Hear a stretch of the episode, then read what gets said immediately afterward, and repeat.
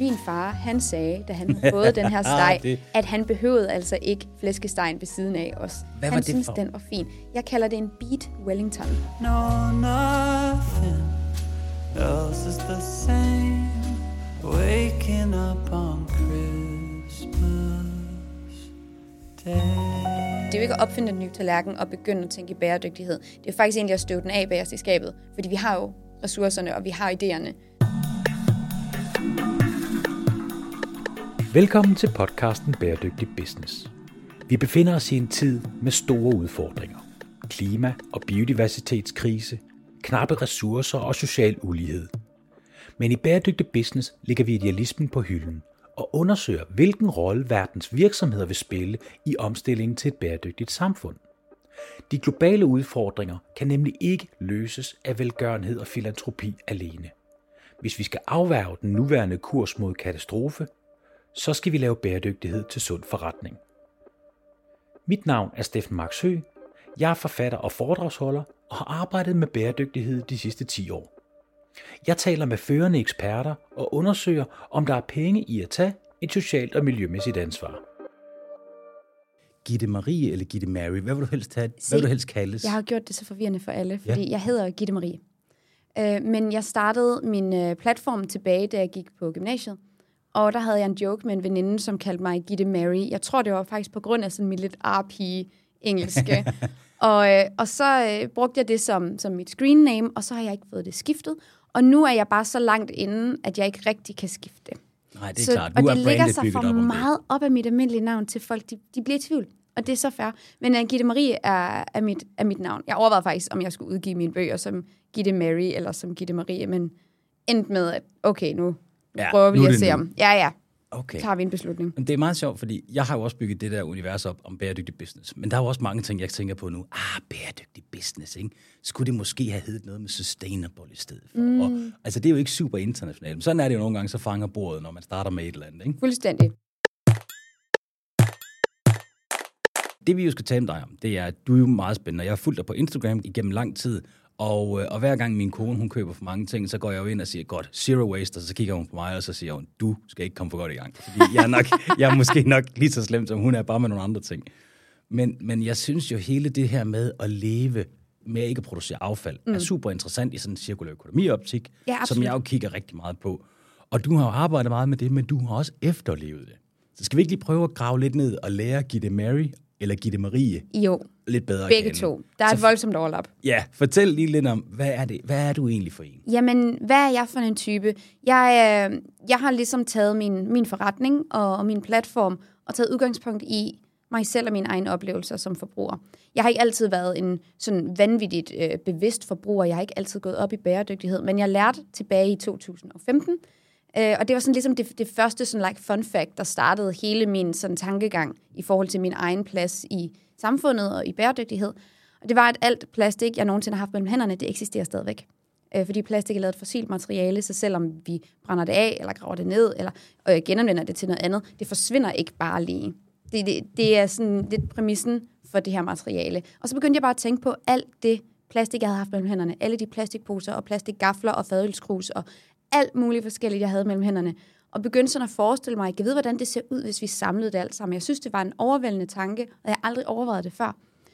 Så øh, jeg begyndte at kigge lidt på, på bæredygtighed, begyndte at sådan, synes, det var lidt spændende med den der vej, og så lærte jeg om det her zero waste begreb. Og der var ingen, der snakkede om det i Danmark.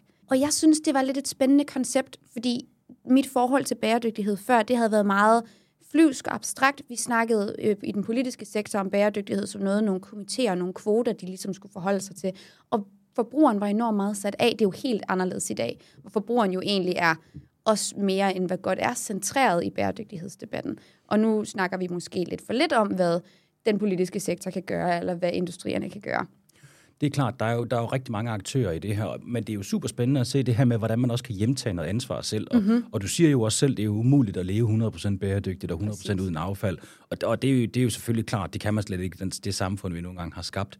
Men jeg synes, det er utroligt spændende, det der med at, at hjemtage ansvar til sig selv. Og det synes jeg også, det Hvad var sådan helt gøre? empowering. Ja. Så jeg startede egentlig sådan et eksperiment, hvor jeg øh, dokumenterede på nettet i en måned, hvordan jeg prøvede at efterleve den her zero waste mentalitet, hvordan jeg prøvede at undgå at generere affald overhovedet.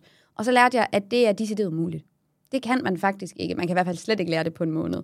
Og det er jo efterhånden Nej, prøv, prøv nogle lige år at forklare os det lidt, fordi at, at, at efter du fortalte mig det, så er jeg også jeg er blevet mere opmærksom på mit affald. Haha. Altså mit, mit, sådan mit almindelige hverdagsaffald. Jeg har altid været opmærksom på affald i sådan en erhvervskontekst. Mm. Men hvor meget affald man egentlig producerer. Hvis du vil lave madpakke til børn, Ja. jamen Jesus Christ, altså Jamen, det er jo ikke? cirkus. Altså, hvis du, du kan ikke gå ned og købe noget, hvis du vil købe noget, der er sundt, det er svært nok sådan on the go, ikke?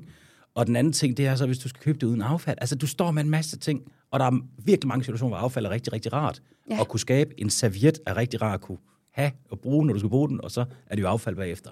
Så lidt i praksis, hvorfor er det umuligt for os stort set at klare os uden affald?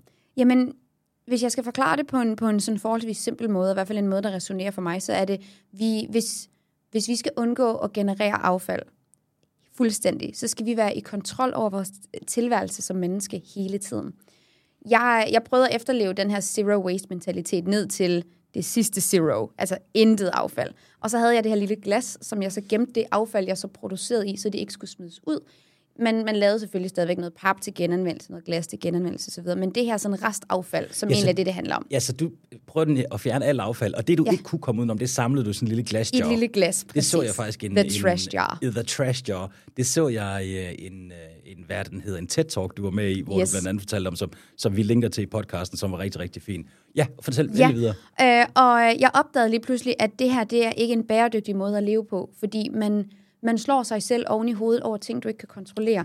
Og jeg stod i mange dilemmaer hele tiden, hvor, hvor det blev sådan et spørgsmål om, hvordan man skulle snyde livsstilen. For eksempel, jeg havde nogle, nogle kammerater over til noget forfest på et tidspunkt. De havde øl med i en nettopose. De efterlod nettoposen hjemme ved mig. Var det så mit affald nu, eller var det deres affald? Skulle den have været med hjem sammen med dem, så skulle jeg bruge aftenen på at få dem til at huske det. Der var ikke plads til den her pose i mit glas.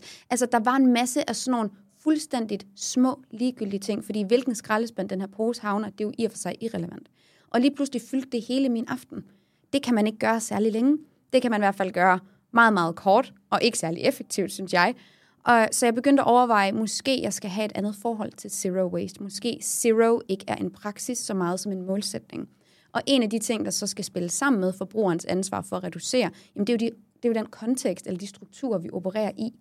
Så, så vi kan kun være så bæredygtige, som den struktur, vi er i, tillader os. Det giver virkelig god mening. Og, øh, og hvor rejser det også en masse spørgsmål. Altså, hvor, hvor man godt kunne forestille sig, at folk de simpelthen brænder ud. De gode ja. initiativer, de går tabt, fordi jamen, man kan ikke, altså, det er jo svært at, øh, at være i et miljø, hvor man ikke kan leve efter ens egen over- overbevisninger. Altså, det er jo det, man kalder kognitiv dissonans. Fuldstændig. Og den her sådan perfektionisme, der eksisterer, og som jeg stadigvæk faktisk i sådan de bæredygtige miljøer, både i virkeligheden og på nettet, kæmper rigtig meget imod, det er den her idé om, at du skal gøre alting perfekt altid og hele tiden, ellers må du ikke være med.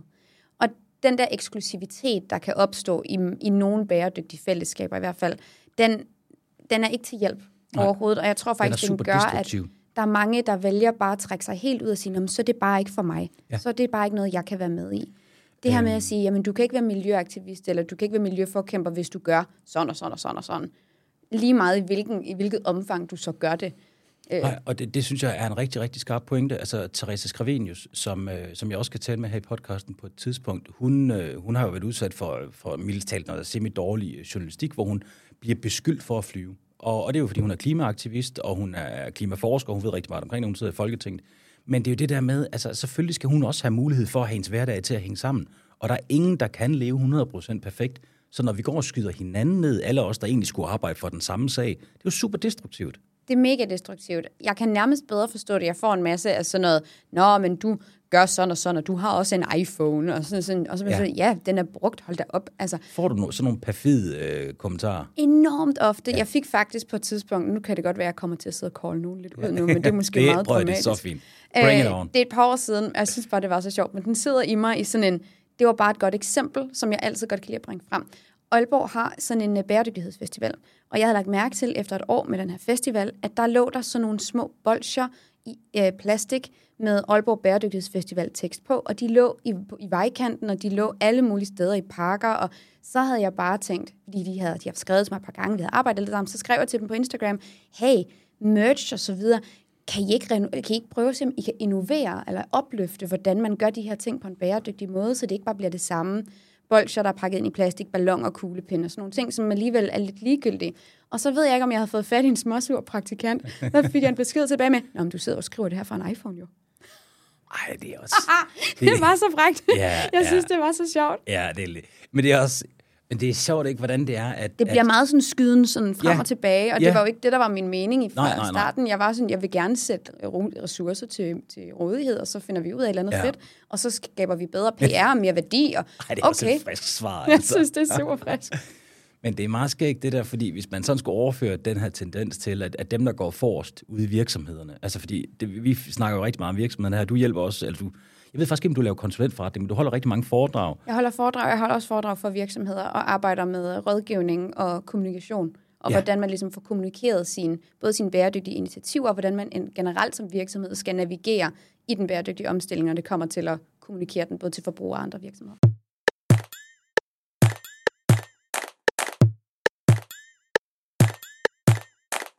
Hvad tænker du om det her med altså, de frontløber, der er ude i virksomhederne? Tror du nogle gange, de står lidt og, og sådan skal, skal lidt stå til ansvar for de initiativer, der bliver, der bliver iværksat ude i virksomhederne? Altså, tror du sådan, du ved, hvis, hvis man så lige, øh, så får man droppet hakkebøffen i kantinen, så får man en bedefrikadelle i stedet for. Tror du så, det medfører nogle lidt spydige kommentarer en gang imellem derude? Det tror jeg 100% det gør. Øh, en ting, jeg jo generelt har lagt mærke til, det er, at vi danskere er godt nok ikke særlig omstillingsparate, når det kommer til selv meget, meget små ting. Og jeg synes jo, det er spændende at følge med i andre steder. For eksempel, nu har vi i Finland, hvor deres kommunale kantiner, de er blevet vegetariske. Nå, Det har de bare valgt. Øh, og i hvilket omfang, jeg så lige, det er jeg ikke sådan lige helt klar over, om vi kører hele linjen, eller om vi kører nogle større. det forsøgte vi jo at lave et lille initiativ om i Danmark. Jamen et ramaskrig, kan I da være søde ved hinanden? Hold da kæft, mand. Men, men det er sjovt, når man sådan dykker ned i psykologien omkring det der med forandringer. Ja. Altså har vi, vi har bare ikke ret meget lyst til at lave om i ting, Nej. særligt hvis det er andre, der beslutter det. Jamen, vi Hvis synes, det- det er virkelig ubehageligt. Ja, hvis vi selv kan være med til at bestemme det, så er det ok. Derfor er det der med involvering ja. Super interessant og vigtigt i forhold til at lykkes med at lave sådan nogle implementeringsprojekter. Og en ting, jeg øh, i hvert fald har lagt mærke til, det er ofte, at jamen, jeg bliver nødt til at, at ændre eller justere den måde, jeg snakker med folk på, alt efter om jeg holder et foredrag for nogle udlandske klienter, eller om jeg gør det for nogle danske klienter. For involveringen for danskere er bare så enormt vigtig. Hvor når jeg for eksempel har holdt foredrag for folk i Tyskland, så synes de, det er helt vildt fedt at få at vide, her har jeg en handlingsplan, så kan I følge den, og så kan I bruge den, og så kan I tage inspiration fra den. Så har jeg opsat nogle forskellige måder, jeg gør tingene på, og så kan de gøre det på samme måde danskere vil lyttes meget mere til. Det er i hvert fald en observering, jeg, Det tror jeg, du, jeg har altså, gjort mig. Jeg har ikke stor erfaring med det, men man, vi har jo hørt mange gange før, at, at vi danskere, altså der er jo kulturelle forskelle Ja. i forhold til, hvordan det er, vi reagerer. Og jeg kan, et eller andet sted kan jeg jo godt se det befriende i, at man bare får at vide, hvad man skal gøre. Jeg er bare sådan, her er løsningen. Ja, Eller her er en løsning. Det er jo så det andet, der er super fedt ved bæredygtighed. Det er jo, om vi kan angribe det her problem fra rigtig mange forskellige vinkler. Mm. Og alt efter, hvad man selv synes er spændende, så er der jo forskellige steder, man kan starte. Men så, så jeg kommer jo ligesom med min hånd og siger, det her, det er min løsningsforslag. Ja, og man kan sige, at din løsningsforslag går jo meget inden for det her zero waste-univers, ja. som jo, hvis man skal være helt ærlig, er, er noget af det vigtigste overhovedet, fordi en af vores store udfordringer, der er mange andre ting, der også er vigtige, men det er noget af det allervigtigste, særligt for os danskere, fordi en af grundene til, at vi har så stort klimaaftryk, er jo, at vi køber utrolig meget og bruger det i rigtig kort tid. Danskerne, de øh, producerer øh, mest affald per capita i hele Europa. Ja, det er jo ikke, Vildt, en, ikke? en rekord at være stolt af.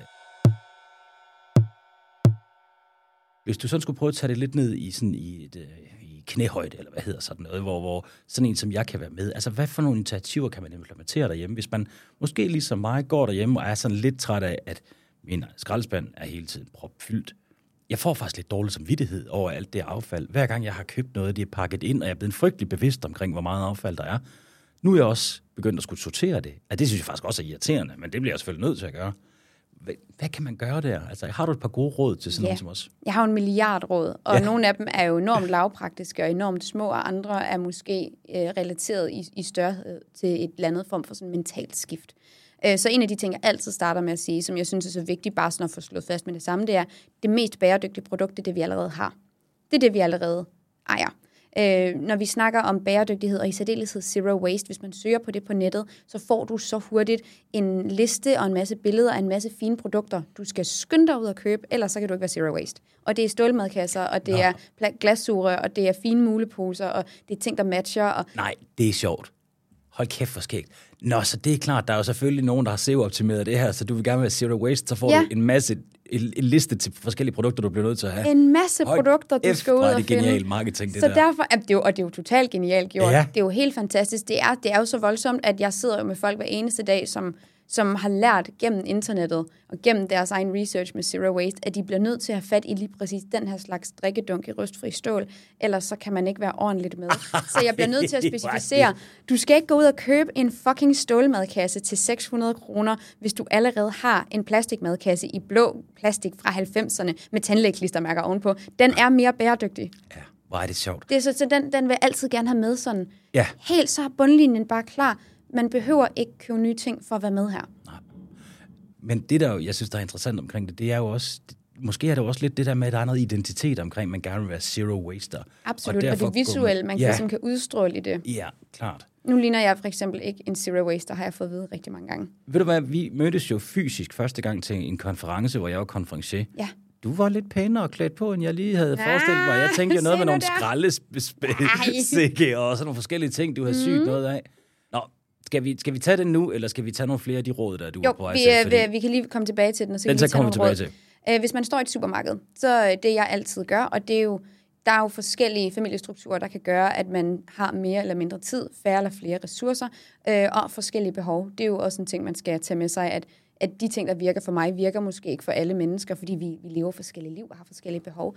Men jeg handler meget sjældent med en indkøbsliste. I stedet for, så øh, går jeg ned i mit supermarked, hvis det er der, jeg går ned. Nu handler jeg tit på grøntmarkedet, i stedet for, hvor jeg kan undgå al Ah, der slipper du emballage. for rigtig meget emballage. Det, Det gør jeg nemlig. Der er vi så heldige, at vi har et fantastisk grøntmarked i Aalborg, hvor vi kan få lokale sæsonvarer videre. Det er fantastisk. Øh, Men hvis jeg står i et supermarked, så øh, finder jeg først og fremmest de ting, som jeg kan købe uden plastik. Det vil sige ting, der er emballageret i glas, eller i pap, eller i aluminium, eller uden. Så vi kigger øh, det grønne. Det er tit sæsonvarerne også i almindelige supermarkeder, der ikke er emballageret. Så starter jeg der, og så se, begynder jeg ligesom at se, okay, hvad er mulighederne? Samler nogle forskellige ting. Og så kan det være, hvis det er der er nogle ting, der så vil binde de her retter sammen eller give mening, så kan man tage en eller to forskellige varer i plastik ved siden af. Men så har man ligesom byttet rundt på, på hvordan, man, hvordan Okay. man handler ind i første omgang. Ja. Det hjælper vildt meget for mig. Så er jeg jo så min egne net med. Jeg bruger forskellige net, som jeg har fået.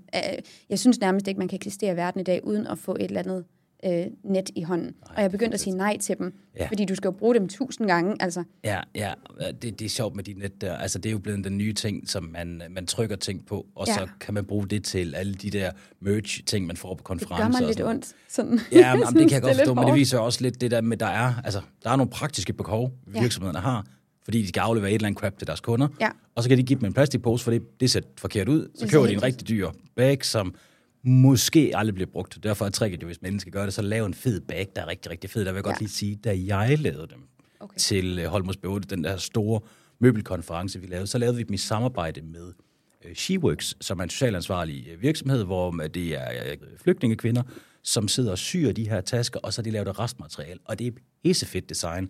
Så det er også en, som folk de Sådan noget, man har lyst til at bruge hele Nemlig. tiden. Og det må frem vel for også noget, tælle. hvor det er en eller anden kedelig, kedelig design, og så bare med et logo på. Der er aldrig nogen, der gider bruge. Lige præcis. Ja, absolut. Okay, men der er selvfølgelig noget med det her med emballage nede i butikkerne, så det er faktisk sjovt, når du handler ind, så kigger du ikke bare på om prisen og kvaliteten eller fri- friskheden af frugterne.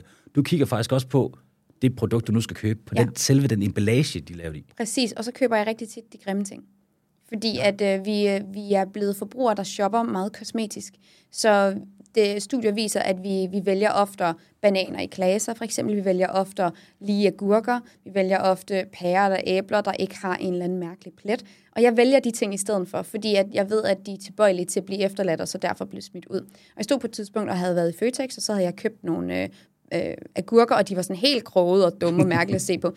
Og så står der en dame bag ved mig i køen, og så siger hun, øhm, det var bare, jeg synes, jeg så nogle pænere dernede, jeg ved ikke, om du kunne tænke dig dem i stedet for. Og så siger jeg til hende, det så jeg også godt, men jeg tænkte, der er nok ikke andre, der køber dem her. Jeg skal bare lave dem til tzatziki, så det gør jo ikke noget. Og så synes hun, hun det var smart. Og så råbte hun bare hendes mand sådan, Børge, det gør vi altså næste gang, så skal vi også have de grimme. Ja. ja. Og det var det, hun ikke rigtig lige tænkt over. Nej. Og det var faktisk en rigtig god samtale at stå og have. Jeg synes, det var så fint. Dejlig reaktion, hun også har Mega i god forhold til det. reaktion. Og nogle gange handler det jo vidderligt bare om, at man siger noget, eller man bliver, man bliver udsat for et andet perspektiv en gang på en fed måde. Og så kan man begynde at tænke anderledes øh, over tingene. Ja, men det, det, det er meget sjovt også, hvordan den der adfærd, den både kan provokere nogen, men den kan også inspirere nogen. Ja, den provokerer det- helt sikkert også Ja, nogen. og, det og det den. synes jeg også, vi skal dykke lidt mere ned i. Okay, så der er selvfølgelig noget i, når man vælger ting, jamen, Ja. ja. hvis man går på markedet, og klart, der kan du hente lidt der. Og øh, generelt, så kan, så kan man gøre en, en, en række forskellige ting. Er der mere, du øh, sådan synes er lavt hængende frugter, som vi andre vi kan arbejde med?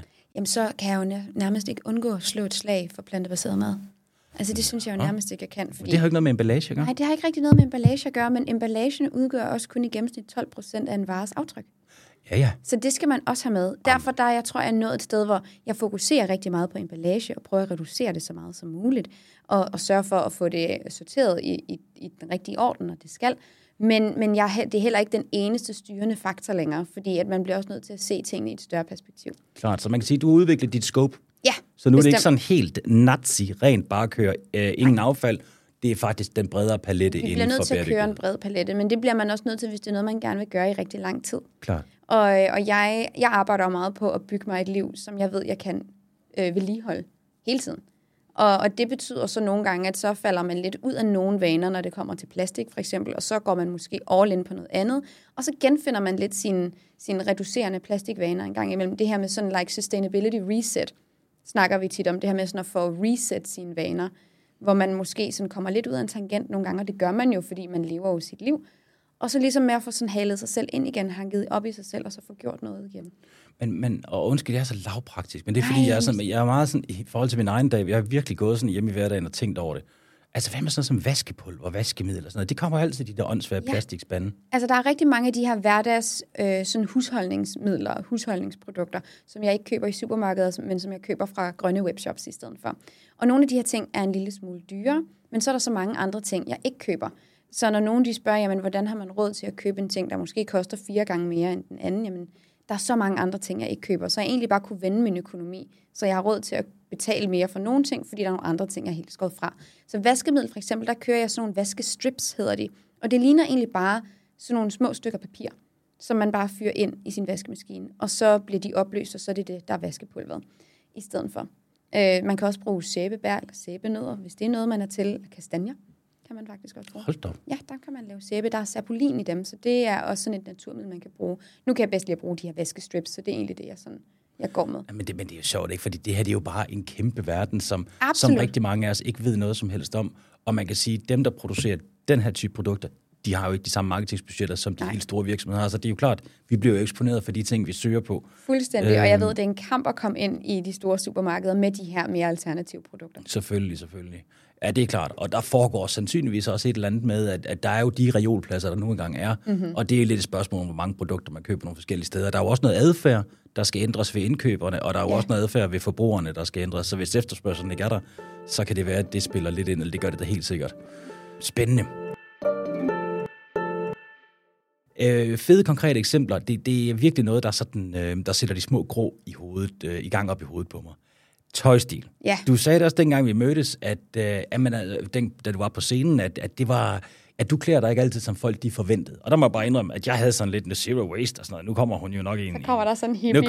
Ja, lige, lige præcis. Ikke? Det er nogle gamle plastikposer, der er syet sammen og sådan noget. Ikke? Øh, jeg havde set nogle billeder af dig, så det, jeg kunne jo godt regne ud, at du kan jo nok godt finde ud af at, at, klæde, at klæde dig på, fordi du er meget stylish. Men, men hvordan får du de der ting til at hænge sammen? Jamen, bæredygtighed er jo ikke en æstetik eller et udseende. Og det betyder faktisk rigtig meget for mig og mit budskab, at jeg kan skabe den her reaktion hos folk. For det gør, at man kan have den her samtale om, at du skal ikke passe ned i en eller anden æstetisk kasse for at være med i klubben. Og at øh, min blazer kan være fra genbrug eller hjemmesyet eller fra en bæredygtig virksomhed i lige så høj grad som alle mulige andre former for, for tøj kan. Og at man ikke behøver sidde derhjemme og sy øh, gamle vintage du om til kjoler for at være med, selvom det også ser super sejt ud. Men det er slet ikke mig.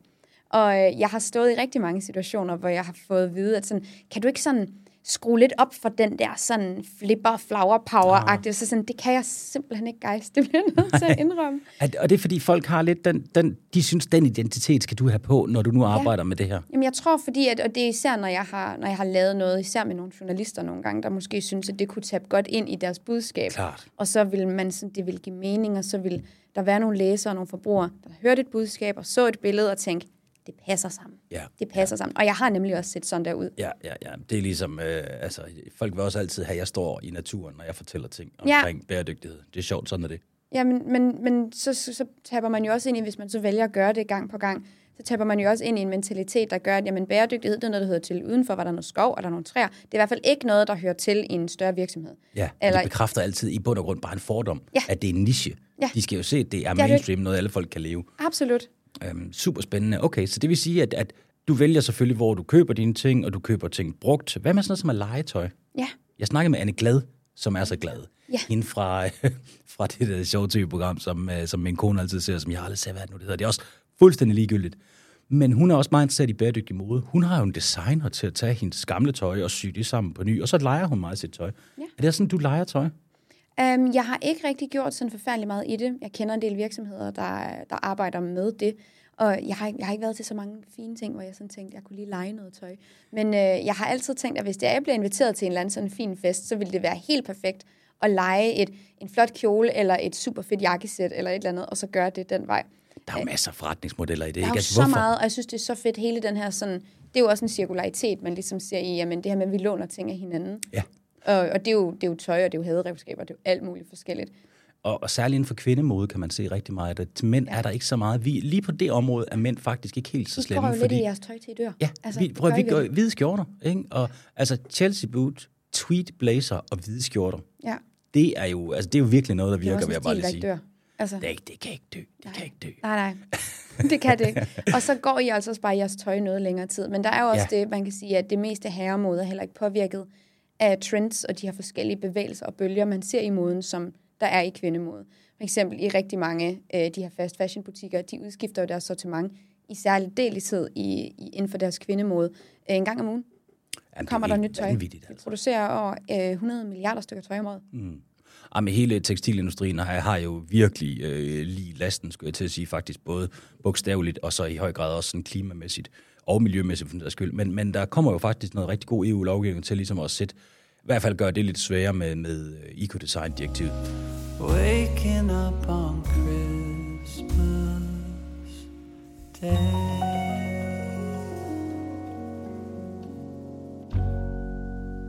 Vi skal jo snakke om det her med den affaldsfrie jul, fordi ja. folk sidder derhjemme nu, og der er måske endda nogen, der har købt et par julegaver, og vi ved jo alle sammen, at når vi sidder der foran det der fuldstændig vulgære øh, juletræet, og så det der vulgære antal pakker, der er nedenunder. Altså jeg ved ikke, det er bare som om, der er kommet flere pakker. Altså, nu lyder jeg som gammel sur mand, men det er Ja, men, lidt min men det er oplevelse. skidt, det skidt, det bliver sgu værre og værre. Jamen, men det, det er jo det der med, det er som om, det er kvantitet frem for kvalitet. Jeg får altid, nu ved jeg ikke, om du har set Harry Potter, men i øh, den første Harry Potter-film, der kommer øh, Dudley ned øh, til hans fødselsdag om morgenen, og så spørger han, hvor mange gaver der er som det første. Og så siger de 37, og jeg forestiller mig, jeg har altid ja. den her idé ind i hovedet, så 37! Og så er han mega sur over det. Og den der mentalitet, den tænker jeg enormt tit på i løbet af december, fordi Ja. det bliver nemlig et kvantitetsspørgsmål. Ja. Meget hurtigt. Men, og en masse med sådan like hadegaver og små lortegaver, der er bedre end altså, alt sådan Men, noget. men hvad gør du? Altså, Jeg holder jul meget anderledes, Steffen. Jeg holder oh, jul en del anderledes. nu ved jeg.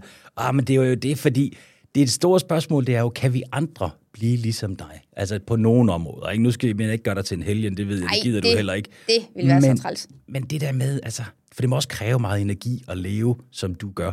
Men inden det, altså, hvis bare det, du skal leve, i- lave jul på en anden måde, hvordan laver du så jul? Jamen, jeg har jo taget nogle samtaler med min familie, og de har heldigvis været nogle af de mest lydhøre mennesker, jeg nogensinde har siddet i samme rum. Dejligt, det er du jo bliver fantastisk. bakket op.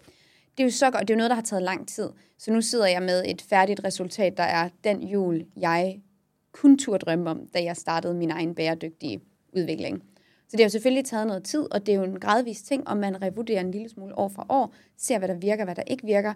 I dag, der sidder vi, øh, jeg holder jul med min mor og min far, min lillebror og min øh, mormor. Og vi øh, køber nærmest ikke gaver, der ikke er brugte. Nå, vi er bruger øh, året på enten at lave et eller andet, eller at finde noget i en antikvitetsbutik eller en genbrugsforretning. Jeg har fået de mærkeligste ting af mine forældre i gave. Og, og vi laver tit det, vi, vi kalder det frembringelser nogle gange, så vi laver noget selv. Min mor, hun er kunstner, så hun har lidt, altså sådan, hun har ja. lidt hånden på os der. Altså det er hun bedre til. Men, øh, men min bror laver også tit ting selv. Og så er der nærmest ingen pakker længere, der ikke er pakket ind i enten avis, eller i stof, eller i et eller andet, som vi gemmer og bruger år efter år. Og øh, min far pointerede på et tidspunkt, det er så rart, at nu er vi færdige med at pakke gaver op. Der er ikke det der bjerg af papir. Ved du Det hvad? væk. Den tager jeg med mig, den der. Ja. Man kan da pakke ting ind i, øh, i alle mulige andre ting, som Alt man alligevel kan muligt. bruge bagefter. Og det er jo en af de der lavpraktiske ting, du efterspurgte. Ja. Jeg har en lille skuffe i mit hus, hvor at jeg gemmer, øh, jeg, jeg købte på et tidspunkt en stor stofdu i en øh, Røde Korsbutik, og så klippede jeg den op i forskellige størrelser, og jeg bruger det her stof år efter år til at pakke ind i. Og jeg siger altid, når nogen får en gave, du må meget gerne bruge, papir, øh, bruge stoffet, hvis du også vil pakke den ind. Fordi så finder jeg ud af noget andet. Jeg har flere, ikke også? Ja. Men nogle gange så siger de, "Ej, men det er ikke lige, okay, fint, så tager jeg den med tilbage, og så bruger jeg den bare igen. Det er sjovt. Jeg håber, at min mor kommer til at høre det her, den her episode, fordi hun sidder jo altid sirligt og samler de der silkebånd ind, som Ja. gaver, de er pakket op omkring. Men de kan sgu da også og, bruges igen. Ja, og jeg er efter hende hver gang, ikke? Fordi vi, jeg ved jo godt, det er mig, der skal rydde op efter hende om 20 år, når hun er krasset af. Så, så jeg ved, jeg, hun hårder ting sammen. Men jeg ser, om jeg kan tørre det af på min bror. Ja. det var virkelig det, det godt råd. Den tager jeg i hvert fald til mig.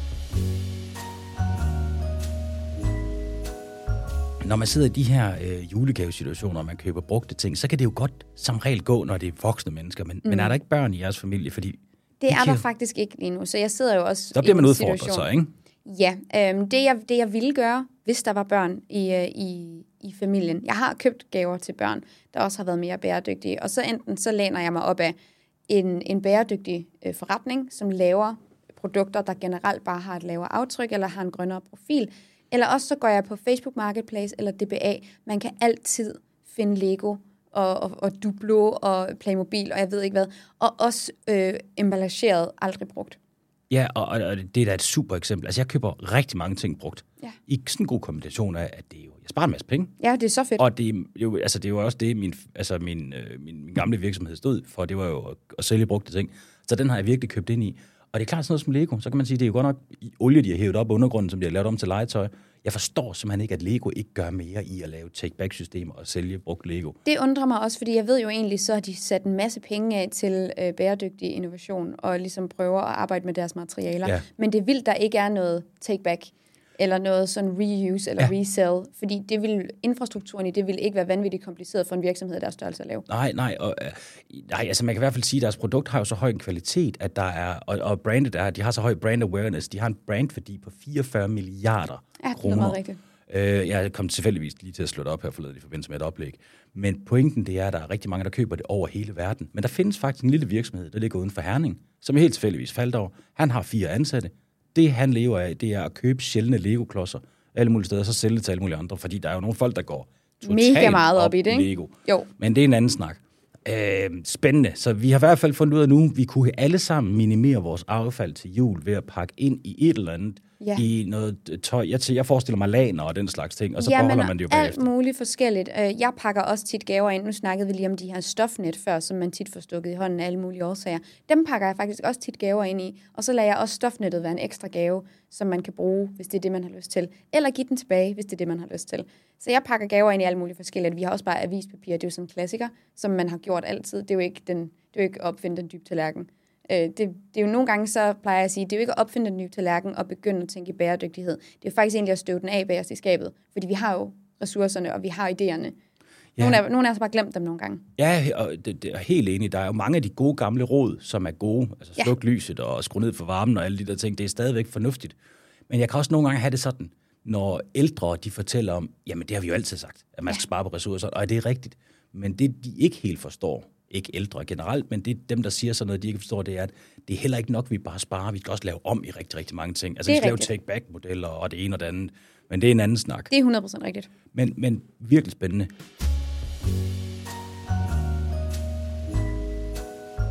Så bliver vi altså også nødt til at runde maden. Ah, Fordi at jeg har jo hørt rygter om, at du er jo for det første et madøre, siger du selv, og du, jo, Det er du er- kommer med en ny bog omkring oktober 2023, hvor du kommer med en uh, gourmet kogebog. ja. Bæredygtig gourmet. Bæredygtig gourmet. Yes. Det vil vi gerne høre noget mere om. Ja, jamen, øh, jeg er et kæmpe madøre. Jeg ja. har altid syntes, det har været mega spændende at lave mad. Og, øh, og jeg begyndte at tænke på for, for nogle år siden, at der er masser af gode opskrifter og ressourcer, hvis man ønsker at lære at blive bedre til at lave grøn hverdagsmad. Og vi hører hele tiden kødfri mandag, kødfri dag, og, og der er mange ressourcer, om, om folk er sådan helt opstillingsparate til rent faktisk at tage det til sig, det så hvad det er, men dem, der er interesseret i det, masser af ressourcer. Jeg kender folk, nu har jeg selv været plantebaseret i omkring fem år, øh, og jeg møder folk, der både er helt nyopstartet i gamet, og folk, der har gjort det dobbelt så lang tid som mig, de struggler så meget lige så snart vi rammer en højtid. Både med, hvad de selv skal lave, men også, hvad man skal fortælle andre, hvad de skal lave. Hvis nogen spørger, om man er inviteret et sted hen, det er bare stadigvæk et mega stort problem. Så derfor der begyndte jeg at tænke på, kan man ikke, kan man ikke finde nogle ressourcer, der har lidt mere fine dining energi? Og det er bare mega begrænset. Vi har ikke engang særlig mange restauranter, der egentlig gør sig i det, sådan på stående fod. Jeg ved, at der er Ark, for eksempel, der laver øh, fantastisk plantebaseret mad. Øh, en af mine yndlingsrestauranter i hele Danmark. Jeg kan ja. altid anbefale dem. Men, men der er ikke så mange kogebøger, der tager den her vinkel. Så, så, så ressourcerne er ret sparsomme. Så derfor begyndte jeg egentlig at tænke på, jamen, hvad vil jeg så kunne egentlig bidrage med her? Fordi nu er jeg lidt et madøje. Jeg elsker at gå op i forskellige teknikker, og jeg elsker at lave skum og røg og perler og tvil, og jeg synes, det er mega spændende. Og jeg har set Masterchef så lang tid, jeg overhovedet kan huske. Og de ja. sidste fem år har jeg set Masterchef med sådan en... Øh, sådan næsten fornægtelsesbrille på, der er sådan lidt, det var godt nok en realistisk vegansk bøf, du har fået fat i der. Nej, hvor var den realistisk lavet? Jeg leger bare det hele er vegansk. ja, nå, det er klart. Okay, ja. Nej, øh, Jamen det, men... men jeg synes, det er mega spændende, og jeg synes, det er spændende, hvordan man kan oversætte nogle af de her teknikker øh, og, og anretninger og, og, og modeller, og så ligesom sætte dem ind i en plantebaseret kontekst. Så den her bog kommer til at være højtidsmad øh, og fine dining, hvis man bare til det i sin hverdag, det må man også godt være. Og det er jo alt fra sådan nytårsretter til guldbryllup til juleaften og til bare sådan middag, der skal være lidt mere, der skal være lidt ekstra. Og så er det ikke noget, der sådan sætter folk helt af teknisk. Det, det synes jeg virkelig er en god idé. Også ud fra, nu ser det ud fra sådan samlet set en betragtning om, at, at hvis vi gerne vil lave nogle af alle de her øh, store omvæltninger, som samfundet skal igennem, så bliver vi nødt til at dække de behov, kunderne har derude, ja, og absolut. forbrugerne har derude. Og jeg kunne virkelig godt sætte mig ind i, at der er mange, der sidder derude. Jeg spiser jo selv kød, og jeg drikker mælk, og overkøber fra køer og det ene og det andet. Men jeg går faktisk også på jagt, men det er jo faktisk noget af det mest bæredygtige, man kan gøre, når det er på kødsiden, Jamen, det er vil jeg bare jeg, sige. Jeg tænker, det er jo sådan set en helt anden debat, I så kan have også, hvis det er, men ej, vi klarer os. Jamen, jeg er altså vist ikke med til at sige det. Øh, men, ej, det, det men pointen det er, at øh, det er virkelig godt, fordi når folk sidder derude i de der situationer, hvad skal man gøre til jul? Ja. Man bliver inviteret hjem, og jeg har jo så hørt flere fra den anden ende, hvor det er forældrene, der siger, kæft mand, nu kommer mine unger hjem. Hvad fanden skal jeg lave? Jamen, det, de gider ikke spise ditten og datten, og og, det, og, og der er faktisk også nogen, der føler sig, at det er rigtig ubehageligt, fordi så skal de til at sige nej til mors flæskesteg, og mor har måske gjort sig rigtig umage med at lave den flæskesteg. Det kan også være, far har lavet den. Jeg er med på ligestilling og det ene og andet, men ofte så er det altså mor. men det var for at sige, at, at der, det går jo mange veje, og øh, så synes det er rigtig dejligt, at der er nogen, der går ind og arbejder med det her. Og jeg vil jo rigtig gerne spise mindre kød, og jeg spiser også markant mindre kød. Det gør vi hele familien. I gennemsnit skal vi jo op på en uh, reduktion på omkring 70 procent. Så hvis man bare når dertil, så har man jo faktisk gjort pissegodt. Ja, nok også meget. Ja, det er meget. Men jeg går ind for normaliseringen af, at man bare reducerer, og man snakker om, hvor normalt det er egentlig at vælge en vegetarisk eller plantebaseret ret, ud ligegyldigt hvilket label man ligesom føler, man passer ind i. Ja. Fordi det er egentlig slet ikke det, det handler om.